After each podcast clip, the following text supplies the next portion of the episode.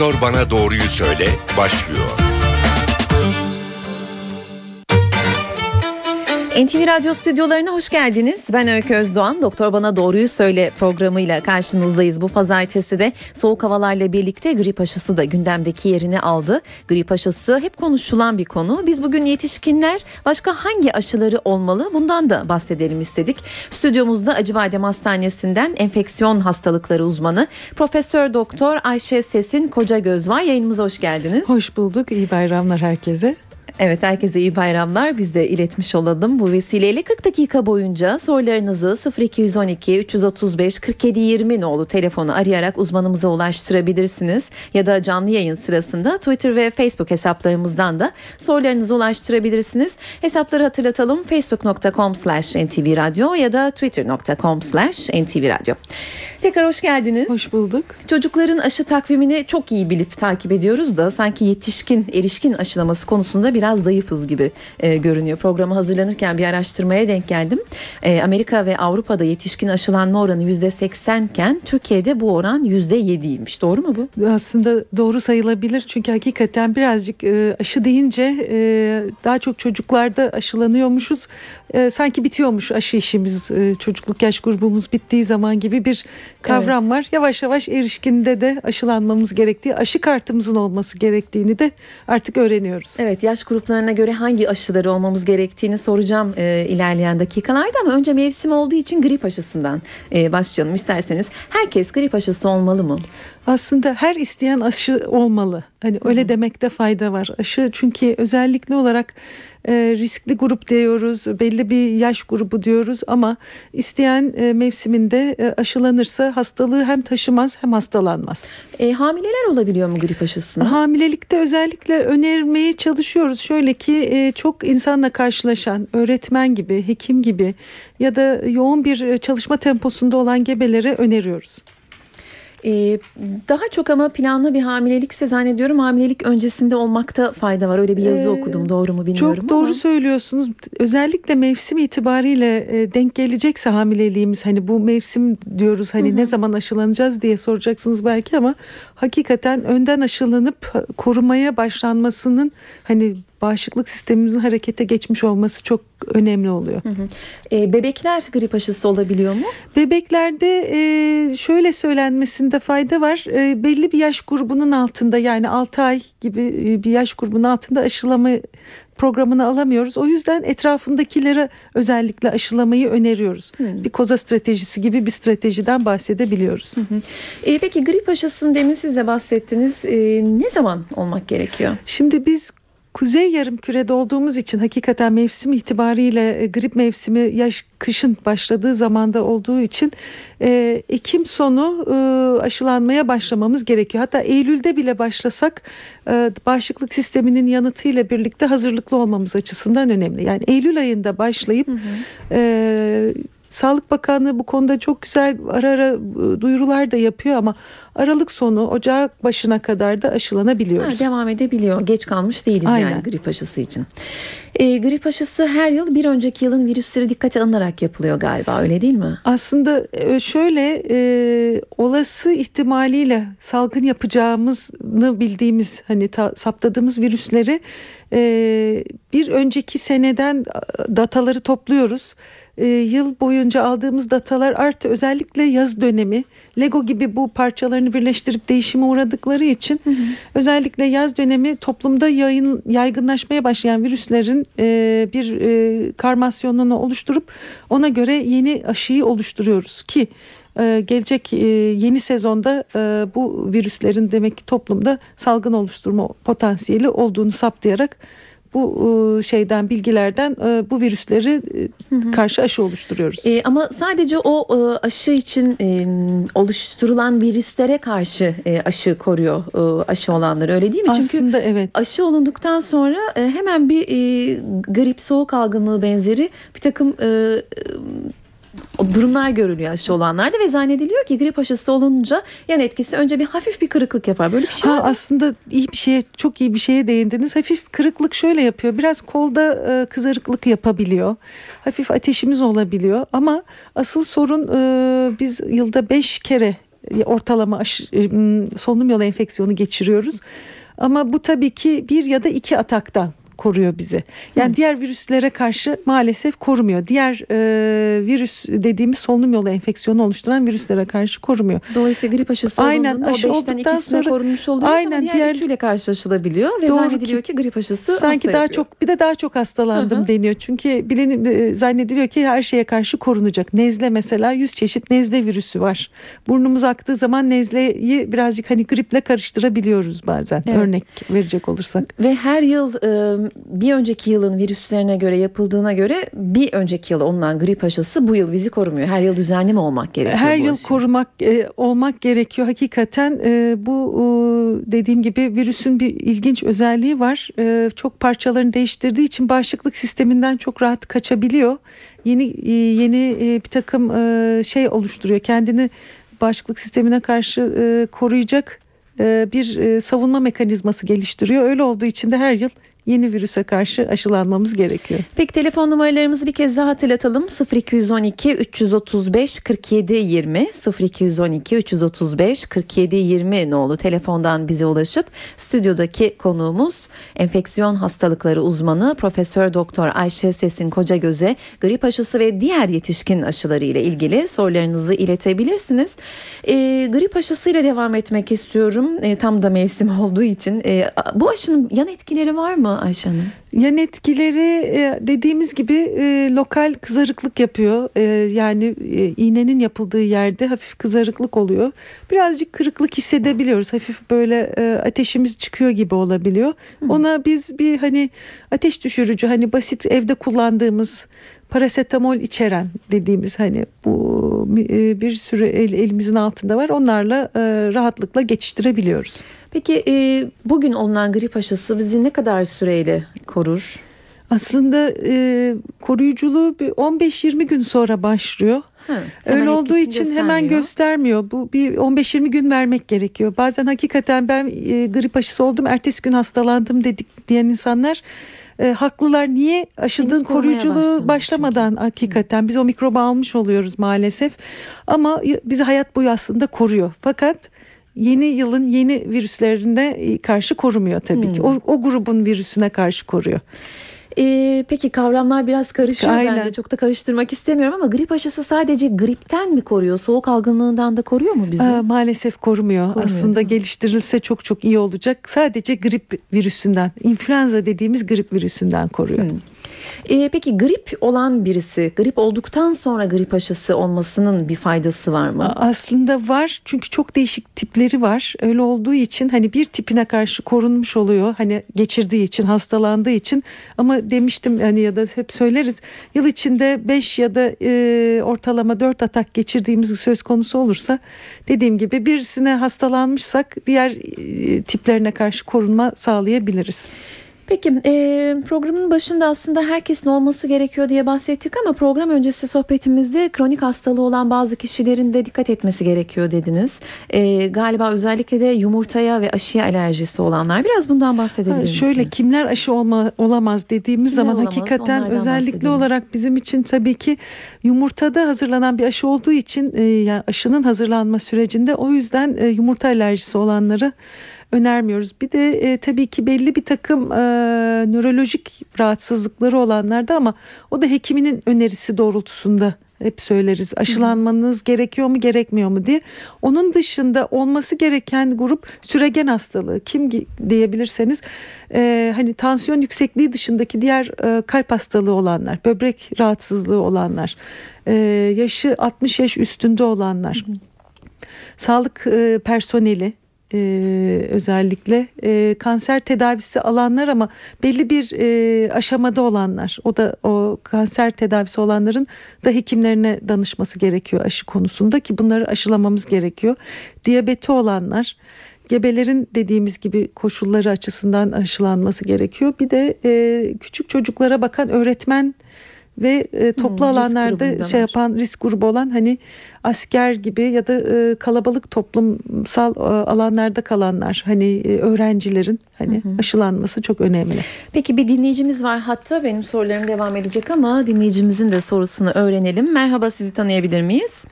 Merhaba, e, benim adım Ali. E, öncelikle iyi yayınlar dilerim. Herkese iyi bayramlar. Sorum Çok olacak. teşekkürler. Buyurun lütfen. E, varfarin, kan sulandırıcı, kumadin kullanıyorum. Acaba bu ilacı kullanırken aşı olmamda bir sakınca var mı? Olmalı mıyım, olmamalıyım? Olmamalı mıyım? Ali Bey merhabalar. Ee, iyi bir soruya e, denk geldiniz. Çünkü kas içine yapıldığı için e, tabii ki her türlü kas içine yapılan ya da enjeksiyonlarda bu tür soruyu sormak gerekiyor. Hekime danışarak hani bazen o dönemlerde dozunu e, belki biraz e, e, düzenleyerek ya da gerek olmayabilir diyerek o zaman bir dikkatli aşı yapmak gerekiyor. Her türlü enjeksiyonlar için söylemek gerekiyor. Hani kas içine yapılacak enjeksiyon sırf aşı değil. Bazen kas içine bazen e, ağrı kesici yapılıyor, ağrı antibiyotik kesici. yapılıyor.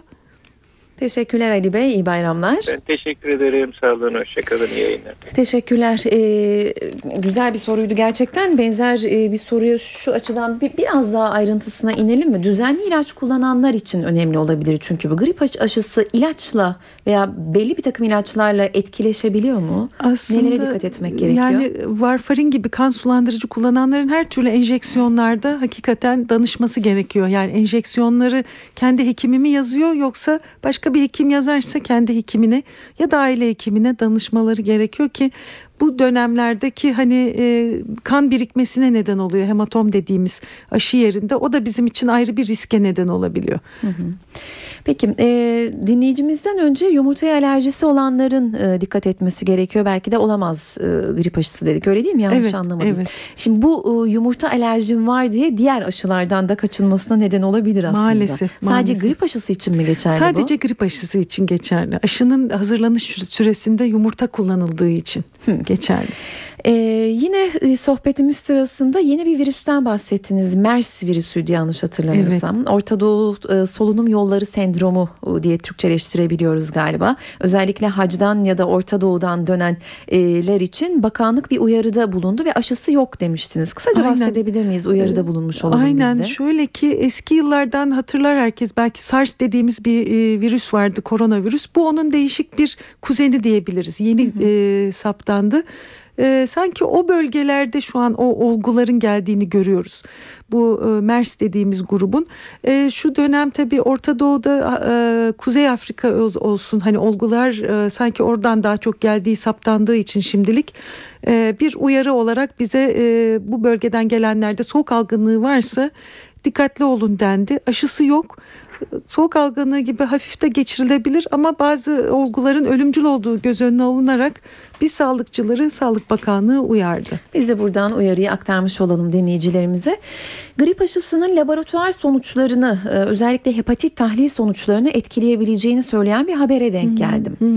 Buna da dikkat etmek gerekiyor öyleyse. Aslında e, çok etkileşmiyorlar ama bazen e, laboratuvar sonuçlarına şöyle söylemek lazım e, çok güvenemiyoruz. Hani şüphelendiğimiz durumlarda tekrar ediyoruz. He. Hani e, mesela gripli olgu ya da gripli e, kişilerde e, bir takım sonuçları tekrar kontrol amaçlı isteyebiliyoruz. Yoksa özellikle olarak öyle bir e, etkileşiyor ya da yanlış sonuç veriyor diye bir şey söz konusu değil. Genel anlamda hani klinikle ya da grip herhangi bir aşıyla e, takip etmek gerekiyor sonuçları. Ee, Peki e, Sağlık Bakanlığı'nın aşı kampanyası yürüttüğü sırada e, Başbakan Erdoğan kendisinin ve ailesinin grip aşısı olmadığını ve olmayacağını söylemişti. Bu da bir takım polemiklere e, neden olmuştu. E, Başbakan bir şey mi biliyordu da olmuyor olmamıştı demek istiyorum e, ya da gerçekten bu tartışmaları polemikleri nasıl değerlendirmek gerekiyor? Aslında e, Başbakan e, normal bizim vatandaşın düşüncesini çok güzel dile getirdi. Tabii hani, evet. Çünkü aşı konusunda e, o dönemler dönemlerde özellikle e, salgın döneminde kendi hekimler aramızda da bir takım şeylerimiz var. Hı hı. E, etkileşim e, daha doğrusu koruyuculuğunun olup olmadığına e, dair e, sorunlarımız olduğu için o tartışmaları çok medyada da yansıttık. Evet. Hani adjuvan varlığı ya da katkı maddelerinin etkinliği hani bir takım yan etkilerinin varlığı sorgulanırken bir de e, her e, sol, solunum yolu enfeksiyonuna karşı korumadığı da e, söz konusu olunca e, olmasak daha iyiye getirildi hakikaten. Hala o kaygı hepimizde var. Hani vatandaş olarak var. E, böyle eğitimle yavaş yavaş herhalde sanırım e, bu şeyi yeneceğiz. Hani tamamen tüm solunum yolu enfeksiyonlarına karşı koruyan bir aşı değil.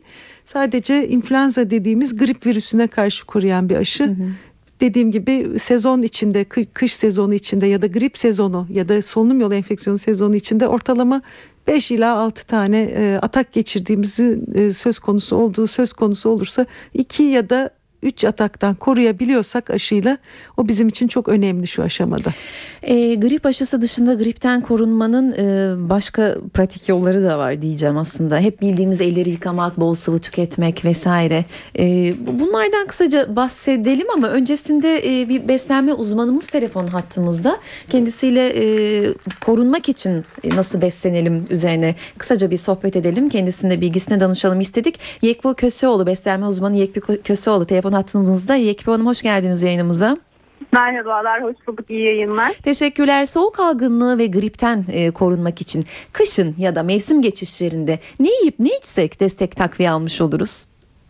Evet, şimdi bağışıklık sisteminin tabii düzgün çalışabilmesi için beslenme gerçekten çok önemli bir faktör. E, makro ve mikro besin ögelerinin hepsinden yeterli bir şekilde almak lazım e, karbonhidrat, protein, yağ dengesi, vitamin ve mineral dengesi önemli. E, özellikle kış öncesi e, soğuk algınlıklarını önlemede bağışıklık sistemini birazcık geliştirmek, desteklemek amacıyla e, günde en az 2-3 porsiyon meyve tüketilmesini öneriyoruz. Mutlaka günde 1 veya 2 porsiyon sebze tüketilmesini öneriyoruz.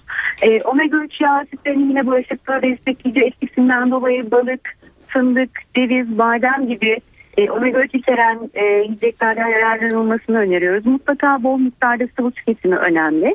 E, onun dışında zaten yeterli ve dengeli beslenmenin bütün kuralları, bütün yiyeceklerden azar azar ve mutlaka yeterli miktarlarda yemek önemli. Hı hı. E, ama onun dışında diyelim ki e, hasta olduk, hepimiz oluyoruz, e, olabiliriz. E, o dönemde tabii iştah kapanıklığı veya ateşten dolayı e, yeterli besin tüketememe gibi bir durumda bağışıklık sistemimiz iyice zayıflıyor. O yüzden özellikle sıvı tüketiminin arttırılması açısından da önemli. Çorbalar e, çok az kıymalı, balıklı veya tavuk parçacıklı eklenmiş sebze çorbaları, tahıl çorbaları, yoğurt çorbaları denenebilir. Eğer yani meyve yiyemiyorsak veya canımız istemiyorsa da en azından meyve püresi veya rendelenmiş meyvelerle mutlaka takviye yapmakta yarar var. E, hastayken de tabii en önemli şeylerden bir tanesi iyi miktarda sıvı almak. Günde en az 2-2,5 litre su veya su yerine ılık bitki çaylarıyla takviye yapılabilir. Peki teşekkür ediyoruz Yekbi Hanım yayınımıza Rica ederim, katıldığınız iyi için. Yayınlar. Teşekkürler, iyi bayramlar. İyi günler, size de iyi bayramlar. Çok sevgiler. teşekkürler. Doktor Bana Doğruyu Söyle programı ile yeniden karşınızdayız. Ben Öykü Özdoğan. Stüdyo konuğumuz enfeksiyon hastalıkları uzmanı Profesör Doktor Ayşe Sesin Koca Gözde. Şu ana kadar grip aşısı üzerine konuştuk ama daha konuşacağımız çok yetişkin e, aşıları olacak süremiz yettiğince. E, mevsimi olduğu için grip aşısından zatüre aşısına e, geçelim. Kimler zatüre aşısı olmalı? Grip aşısından farklı mıdır zatüre aşısı? Aslında şöyle ki iç içe mi diyebiliriz? Çünkü grip aşısı grip olduktan sonra e, ikinci sorunlardan bir tanesi hani komplikasyonları olan e, bir hastalık diye hep konuşuyoruz. E, zatüre, e, pneumokok dediğimiz bir etkene karşı olan bir e, mikrop. Aşı tabii ki e, sanki şey gibi düşünülse bile e, bize aslında koruyor. E, bu tür gripten sonraki oluşacak solunum yolu enfeksiyonu zatüre e, komplikasyonundan koruyor. Bu pneumokok etkenleri açısından da e, belli yaş grubu tabii ki e, risk grubu olmaya başlıyor. Özellikle çocuklar, çocukları aşılıyoruz. Ee, yaş itibariyle yeni geliştirilen bir aşı olduğu için eskiden 60 yaş üstü diyorduk. Şimdi 50 yaştan itibaren aşılayabiliyoruz ki hayat boyu koruyan bir aşı. Hı hı. Ee, yeni geliştirilen versiyonu. Ee, bir de tabii ki e, gene süregen hastalığı olanlar diyabet, e, kanser, e, kalp hastalığı, böbrek hastalığı olanlar. Ha, bir de e, dalağa alınmış olanlar. Hani bir belli nedenden dolayı e, dalak e, operasyonu olanlara biz e, bu aşıyı e, öneriyoruz. E, dalak çok ilginç bir hastalık. Bu tür bakterilere karşı koruduğu için bize daha doğrusu e, süzge süzgeç görev gördüğü için dalak alındıktan sonra bu tür enfeksiyon risklerimiz yüksek oluyor. Artıyor. E, 0212 335 47 20 telefon numaralarımız 335 47 20 nolu telefondan bize ulaşıp e, grip aşısı dışında tetanos, boğmaca, HPV, çocuk felci gibi diğer e, yetişkin erişkin aşıları ile ilgili de sorularınızı e, iletebilirsiniz. Menenjit aşısından e, da bahsedelim istiyorum. Özellikle hacca gidenler dönenler için e, çok önemli demiştiniz. Aslında evet şöyle ki tabii o hac döneminde çok kalabalık bir ortamda olunduğu için solunum yoluyla bulaşan bir hastalık menengokok dediğimiz bir e, etken. Hem mevsim itibariyle şu dönem hani e, griple e, birlikte aslında anılmasında fayda var. Zatüreyle birlikte hı hı.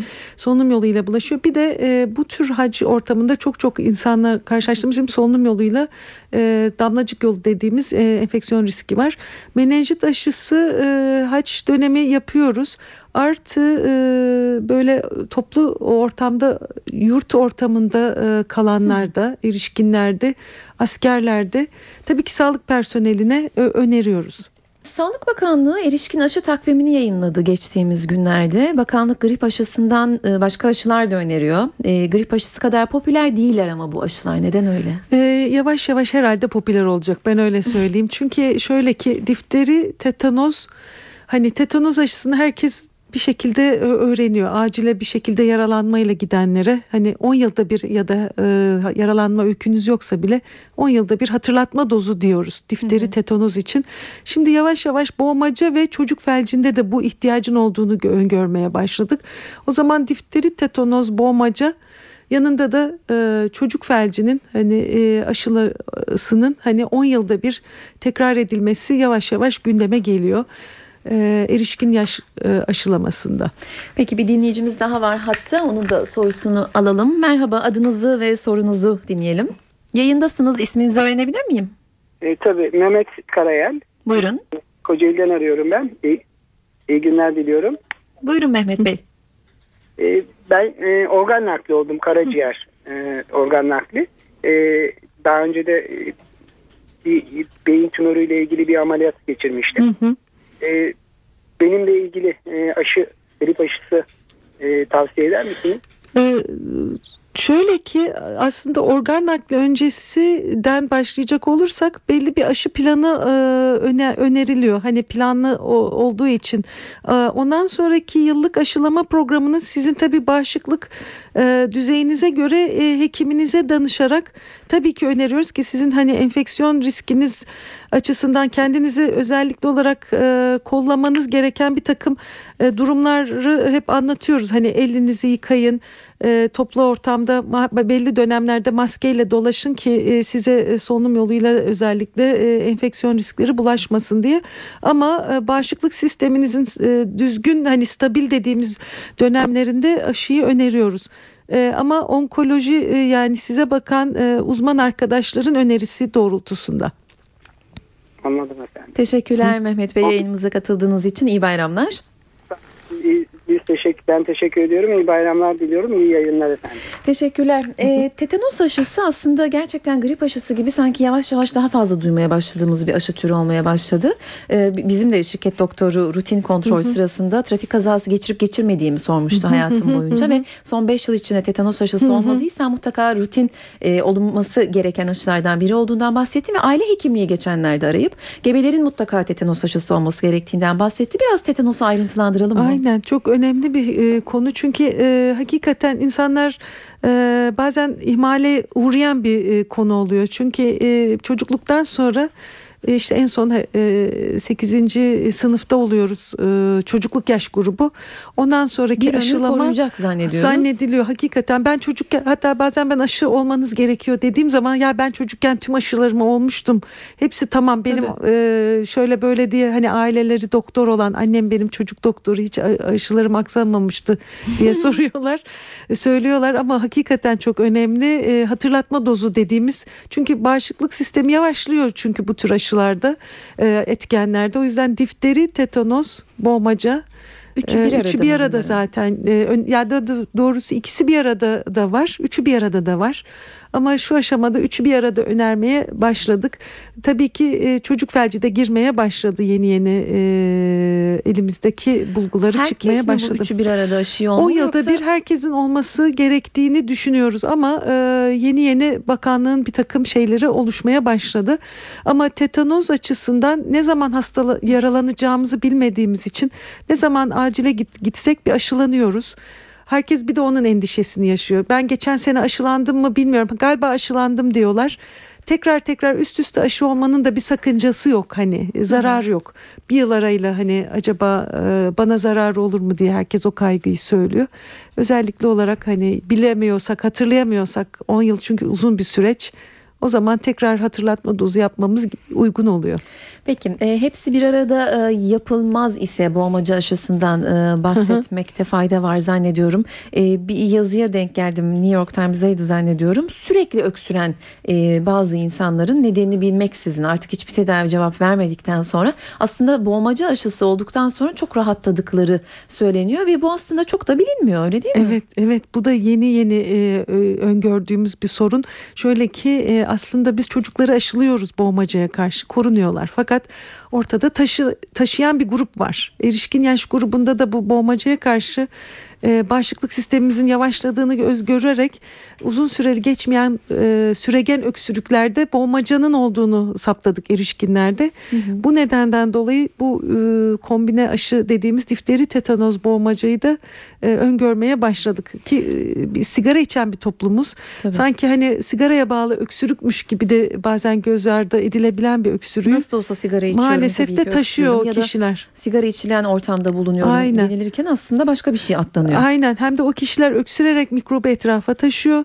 Ee, tabii ki bu aşı ilk yeni doğanda e, iki, ilk iki aydan sonra yapılan bir aşı olduğu için yeni doğanlarımız çok risk altında. Hmm. E, o kişiler hani sigara öksürüğü deyip hani birazcık kuru öksürüğü e, göz ardı edebiliyor. O yüzden de e, özellikle şimdi bebeği olacak annelere e, ya da yakınlarına bir koza stratejisi uygulamaya hı hı, e, çalışıyoruz. Önemli, ee, özellikle hamilelik döneminde işte difteri tetanozla birlikte aşı, boğmacayı e, öneriyoruz anneye. Bebeğe bakım verecek bakıcısına, e, anneanne dedesine hani e, özellikle olarak ki ilk iki ay boyunca biz bu bebeği bu boğmacaya karşı e, koruyabilelim aşı Çünkü olana bebek kadar. boğmaca aşısı olamıyor. Aynen öyle yaşı küçük olduğu için iki yaşı iki aydan sonra yanlış söylemeyeyim iki aydan sonra başlıyoruz bebekleri aşılamaya. Bu ilk iki aylık dönem bebekler için çok kritik bir dönem olduğu için e, öncelikle etraftakiler etrafındakileri temasta bulunacak kişiler aşılanıyor. 0212 335 47 20 nolu telefondan ulaşıp bize yetişkin aşıları, grip aşısı, boğmaca, tetanos, hepatit, e, HPV gibi aşılarla ilgili sorularınızı iletebilirsiniz deyip ben de hepatit e, aşılarına geçelim istiyorum. Hepatit A ve B e, yanlış bilmiyorsam evet. ne zaman yapılması gerekiyor? İşte elimizde hepatitler deyince aslında G'ye kadar giden bir seri başladı. Bir Öyle sürü e, hepatit grubumuz var. E, fakat maalesef aşı olarak e, ikiye ikisine karşı aşımız var. A'ya ve B'ye karşı. Aslında D'ye karşı da dolayısıyla aşımız var. D bir defektif virüs. B'ye karşı aşıladığımız zaman D'ye karşı da korumuş oluyoruz. Gerçi 3 3 etkene karşı korumuş Hı-hı. oluyoruz. Hepatitler etkenine karşı. Ne zaman Ne zaman aşılayacağız? Gerekiyor? Şöyle ki e, yeni doğan aşılama programımızın içinde hepatit B'ler başladı. Hı. A da başladı. E, o da çocukluk dönemindeki aşı programında. E, tabii ne zamandır var diyeceksiniz. İlk herhalde 17-18 yaş oldular. Hı hı. Ondan sonraki grup maalesef aşısız kalan bir grup var. Sağlık çalışanları özellikle e, eğitimleri sırasında e, tıp fakültesi öğrencileri, hemşirelik öğrencileri dediğim gibi e, teknik grup olsun. Bu tür e, çalışanları aşılıyoruz öğrencilik dönemlerinde hı hı. eğer aşılanmamışlarsa hem hepatit A'ya karşı hem de B'ye karşı aşılamaya çalışıyoruz. Demek ki yaşı yok aslında bu aşının. Hani özellikle olarak kandan bu mikropla karşılaşıp karşılaşmadığımızı öğrenip eğer karşılaşmamışsak hani bir şekilde çünkü hepatit A e, gıdayla aldığımız için e, gıda yönünden e, hani bize sarılık mikrobu hep ilkokul döneminde e, salgınlar olduğunu görüyoruz.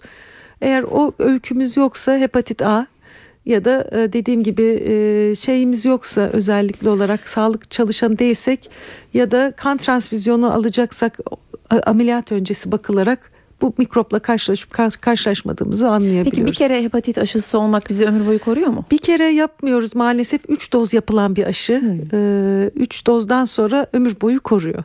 Yani o hayatta bir kere o üç dozu yaptıktan sonra kafi geliyor aynen öyle. öyle. Peki. E, seyahat öncesi bir takım e, aşılardan bahsettik yine program öncesinde sohbet ederken. E, tüm aşıları bir arada yapmaktan çekiniyor galiba bazen insanlar. Bir koldan bir aşı bir koldan bir aşı olabiliyor mu? Çok fazla yükleme gel- geliyor mu bu çok insanlara? iyi söylüyorsunuz. Aslında hep aşı dedik deminden beri farkındaysanız hastalıkları aşıyla aşıyoruz aslında. Evet. Koruyoruz aslında. Hepimizin en önemli şeyi hastalanmadan önce hani en önemli şeyi Evet. hani tedavi ihtiyacı olmadan korumak. Seyahatte de belli bölgesel e, uyarıları hep izliyoruz. E, Dünya Sağlık Örgütü'nden olsun, belli merkezlerden olsun ve hakikaten bazen ha şey diye öneriyoruz. 15-20 gün önce mutlaka e, en az yası ya da bir ay önce bir sağlık çalışanına başvurun e, aşı konusunda danışın diye hastaneye başvurun E, ve sağ kol sol kol e, hakikaten e, bayağı bir aşı yapabiliyoruz. Hmm, fazla E, bazı kurallarımız dışında yani iki canlı aşıyı aynı anda yapmıyorsak da belli şeylerimiz fazla gelmiyor. Hakikaten daha iyi de koruduğunu biliyoruz. Öyle mi? Peki e, çocuk felcinden de bahsedelim isterseniz. Bu adından e, adına bakıldığı zaman aslında bir çocuk hastalığıymış ve çocuk z- döneminde yine dediğiniz gibi aşı olunur geçermiş gibi düşünülüyor ama aslında bu bir yetişkin e, hastalığı Sorunu olarak aslında mı? da görünebiliyor. Niye? Biz çocukken aşılanmış olsak bile dediğim gibi bağışıklığımız yavaşlamış oluyor. Hani 10 senede bir aşılama programına koymaların nedeni o. Çocuk Belli- felci şimdi 10 yılda bir aşı, aşı programına mi? girmeye başlı- başladı. Bir de seyahatte belli riskli bölgeler var. Ee, salgınların büyük olduğu bir bazı bölgeler. Belli dönemlerde uyarıları alıyoruz. O zaman aşılanması gerekiyor ee, herkesin seyahatle ilgili olarak da özellikle olarak çocuk felcine karşı aşılanmaları gerekiyor. Bazen hatta benim hastalarım çok telaşlı söylüyorlar uçaktan dönerken X yerden e, ağzımıza ış- e, damlattılar aşıları topla aşılandık. Hmm, evet, E, doğru mu yaptık ne yaptık diye onu. danışıyorlar bize. E, Doğru mu? e, doğru çünkü hakikaten e, mikroba aldıysak en azından hafif atlatmamızı hatırlatma dozu olduğu için söylüyorum. Hani tek doz bile yeterli oluyor.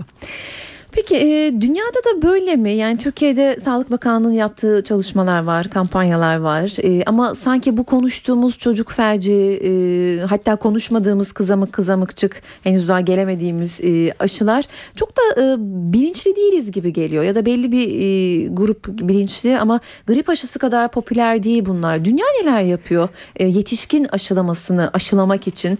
E, biz ne yapıyoruz? Aslında bizim e, kampanyalarımız çok dönem dönem oluyordu. Bakanlığın çok hoş e, kampanyaları oluyor ama hakikaten dünyada da hatırlatmak gerekiyor. Yani başta e, dediğimiz gibi başbakanımız da çok düzgün bir şekilde vatandaşı çok iyi ifade eden bir başbakanımız var. O yüzden demek ki eğitimlerimizin çok iyi yapılması lazım. Kamu spotlarının çok düzgün yapılması lazım. Dünyada da eksik. E, eksik olduğu için de şu an mesela kızamık Dünya Sağlık Örgütü'nde eradikasyon ortadan kaldırma programı içindeyken bir anda hortladı tekrar kızamık. E, yerli kızamığımız çok çok nadir. Var e, denecek kadar yani yok denecek kadar az öyle diyeyim. Hep importe vaka geliyor. Hep yurt dışından. O yüzden de erişkin yaş grubunda belli bölgelerde olsun e, şey olsun e, seyahat öyküsü olacak olanlarda olsun ya da herkese sağlık çalışanlarını mesela başta olmak üzere kızamık kızamıkçı kaba kulak o da üçlüdür. Ondan da Ee, bahsedelim. Kombine aşıdır. Ee, onu da öneriyoruz. Ee, önermeye başladık. Ne kadar zamanda bir hangi yaş grubunun kimlerin dikkat etmesi gerekiyor buna? çocukluk yaş grubunda aşılanıyoruz. Evet. Ondan sonra adolesan dönem dedikleri bir yaş döneminde de ikinci doz öneriliyor. Fakat bir yaşa kadar e, belli bir döneme kadar tek doz yeterli zannediliyor idi. Şimdi yeni yeni iki do- doz önerildi çocukluk ve adolesan dönemi. O yüzden bizim gibi erişkin yaş grubunda tek doz aşılanmış olan herkesi ikinci doz aşılamayı istiyoruz. Onun dışında e, çünkü yeni bir kavram bu. 5 yıllık 4-5 yıldır çıktı ikinci doz aşılama kavramı. Yanlış hatırlayabilirim ama demek ki ondan önce hepimiz hemen hemen ben dahil olmak üzere tek doz aşılandık. Sağlık çalışanları o yüzden aşılanıyoruz. İkinci doz e, enfeksiyon hastalıklarının görevidir aslında aşılamak. Onun dışında belli riskli bölgelere te, e, seyahat edecek olanları aşılıyoruz. Kızamık kızamıkçı Zaten bazı kulak. e, ülkelere girişte özellikle istenen İstiyorlar. aşılar var. İstiyorlar. Özellikle Güney Afrika yanlış Tabii hatırlamıyorsam. tabii. Ee, peki süremizin aslında sonuna geliyoruz. Son 3 dakika birkaç e, aşı var. Hı hı, Onlara hı değinmeden geçmeyelim Aynen. kısa kısa. Ee, verem aşısı çocukken olunuyor, bitiyor ve bütün ömür boyu bizi koruyor. Ha, o konuda çok iyi söylediniz. Bütün e, ömür boyu da korumuyor. E, fakat elimizdeki yeni aşı sistemi yok.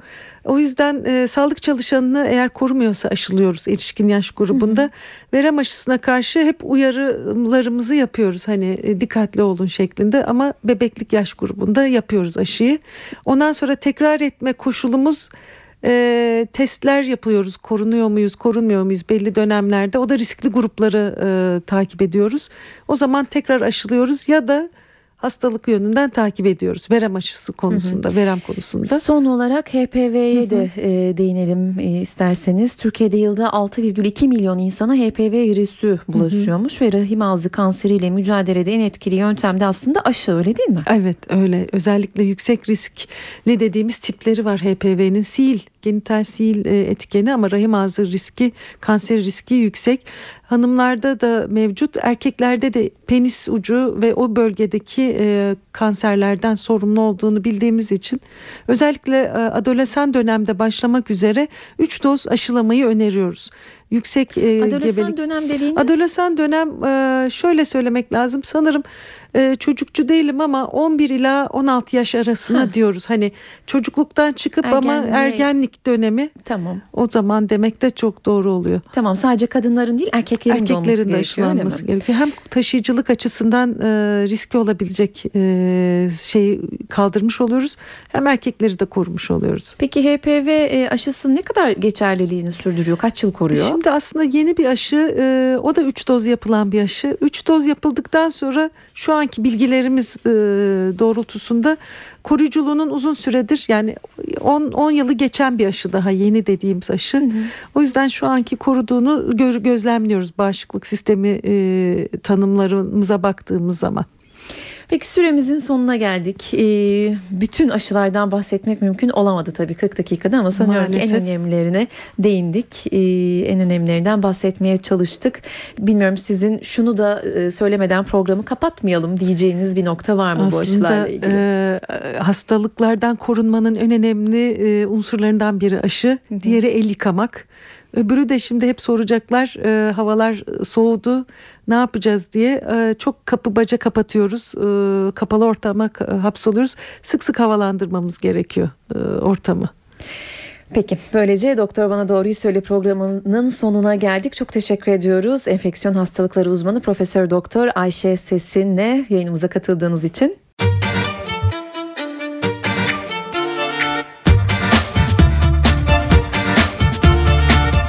Doktor bana doğruyu söyle.